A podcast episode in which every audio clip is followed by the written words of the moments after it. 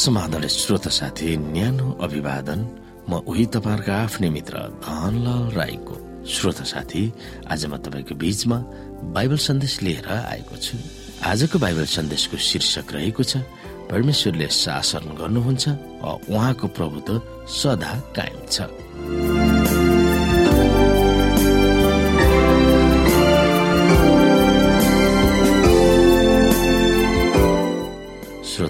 प्रभु सृष्टिकर्ता मात्र नभएर त्यस गुणसँग टाँसिएको अर्को गुण छ। त्यो हो उहाँ चक्रवर्ती सार्वभौम शासक वा प्रभु हुनुहुन्छ।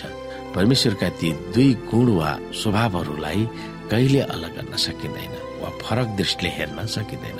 परमेश्वरले राज्य गर्नुहुन्छ भन्ने घोषणा गम्भीर रूपमा भजन संग्रहले व्यक्त गर्दछन्। भजन संग्रहभरि उहाँको त्यो सार्वभौम गुण सुनिन्छ र प्रतिध्वनि गर्दछ। परमेश्वर आदर सम्मान राजकीयता र बल तथा शक्तिले सजिनु भएको छ। तर उहाँलाई अन्धकार र बादलहरूले पनि घेरिरहेका छन्। तर उहाँले आफूलाई ज्योतिको वस्त्रले ढाक्नु भएको छ। ती प्रतीकहरूले उहाँको राजकीय शक्ति महिमा वैभव शोभा तेजस्वी र यसलाई व्याख्या गर्दछ। परमेश्वरको महान विशेष गुण र चरित्रलाई बुझाउन ती शब्दहरू प्रयोग गरिएका छन्। ती गुणहरू मानव समझ भन्दा अपार छन्। हामीले भजन संग्रह सन्तानब्बे अध्यायलाई पढ्न सक्छौ। परमेश्वरको प्रभुत्वलाई भजन संग्रह सन्तानब्बेको दुईदेखि दसले कसरी वर्णन गरेको छ? उहाँको प्रभुत्वको दायरा कति ठुलो छ? परमप्रभुले राज्य गर्नुहुन्छ। पृथ्वी हर्षित होस् टाढाका किनार किनारहरू पनि आनन्दी हुन्।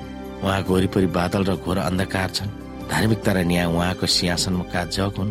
उहाँको अघि अघि आगो जान्छ र उहाँको चारैपट्टिका विरोधीहरूलाई भस्म पार्छ। उहाँको बिजुलीले संसारलाई प्रकाशित पार्छ पृथ्वीले देख्छ र थरथरी काम्छ। परमप्रभुको सामान्य पर्वतहरू मैनले झै पग्लन्छन्। सारा पृथ्वीका स्वामीको सामुन्ने स्वर्गले उहाँका धार्मिकताको घोषणा गर्दछ। सबै मानिसहरूले उहाँका महिमाको दर्शन गर्छन्। मूर्ति पूजा गर्नेहरू सबै लाजमा पारिनेछन्। मूर्तिहरूमा गर्व गर्नेहरू सबै शर्ममा पर्नेछन्। सबै देवगण हो उहाँको आराधना गर। तपाईँका न्यायको कारण हे परमप्रभु जीवनले सुन्छ र आनन्दित हुन्छ र यौदाका गाउँहरू हर्षित हुन्छन्। किनकि हे परमप्रभु सारा पृथ्वी भन्दा तपाईँ नै अति उच्चमा हुनुहुन्छ। तपाईँ सबै देवहरूमाथि अत्यन्त उच्च हुनुहुन्छ।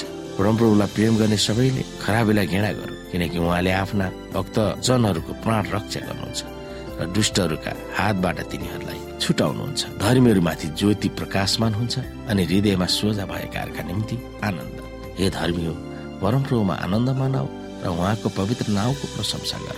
परमेश्वरले सृष्टि गर्नुभएका कामहरूले उहाँको प्रभुत्व कायम छ भनेर देखाउँदछ भने उहाँ उद्धारकर्ता र न्यायकर्ता पनि हुनुहुन्छ। सारा पृथ्वी र जगतभरि प्रभुले आफ्नो सत्ता कायम राखिराख्नु भएको छ। उहाँको राज्य सनातन वा अनन्तको छ। उहाँको शक्ति र राजकीय अतुलनीय छ। उहाँको शासन दया न्याय र धार्मिकतामा स्थापित भएको छ।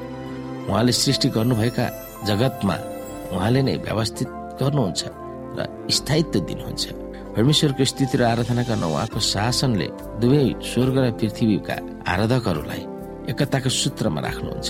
धेरै भजनहरूले सबै मानव प्राणीहरू र परमेश्वरको सार्वभौमिक शासनलाई स्वीकार गरून् भन्ने चाहना व्यक्त गरेका छन्। अहिलेको परिप्रेक्ष्यमा सबै मानिस वा संसारका शासकहरूले परमेश्वरको अधिपत्य र अझै अस्तित्वलाई नै स्वीकार गरेका पाइँदैन। मानिसको दुष्ट र आतंककारी गतिविधिले निरन्तर रूपमा परमेश्वरको शासनलाई हाँक दिइरहेको छ। तिनीहरूले परमेश्वरको अस्तित्वलाई स्वीकार नगर्ने र गिल्ला गर्ने मात्र होइन उहाँका जनहरूप्रति दमन नीति पनि अप्नाइरहेका छन्। केही दुष्ट मानिसहरूको समुन्नताले परमेश्वरलाई चुनौती दिइरहेका छन्। परमेश्वरका सहनशीलताले गर्दा दुष्टहरू अकमक्क त परिरहेका छन्। तर भजनका लेखकहरूले परमेश्वरको सार्वभौम प्रभुत्व र उहाँका धार्मिक न्याय प्रणालीमाथि आशा राखेको कारण तिनीहरू विचलित भएको देखिँदैन। यसुको दोस्रो आगमनमा यसुको मुक्तिको सेवा कार्यले गर्दा उहाँको राज्यको उद्घाटन हुनेछ भनेर उहाँका जनहरू विश्वास गर्दै रमाइरहेका हुन्छन्। उहाँको आगमनपछि सारा दुष्ट र पृथ्वी तिनीहरूका गतिविधिहरूको अन्त पनि हुनेछन् भन्ने कुरामा उहाँका जनहरू ढुक्क छन्। तिमीहरू जसले प्रभुलाई प्रेम गर्छौ दुष्ट र खराबलाई घृणा गर भनेर भजन सङ्ग्रहको सन्तानब्बे अध्यायले भन्दछ।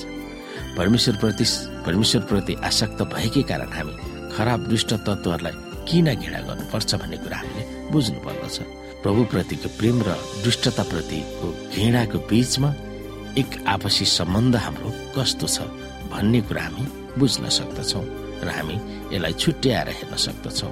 यिनै कुरामा हामी विचार गर्न सक्दछौँ।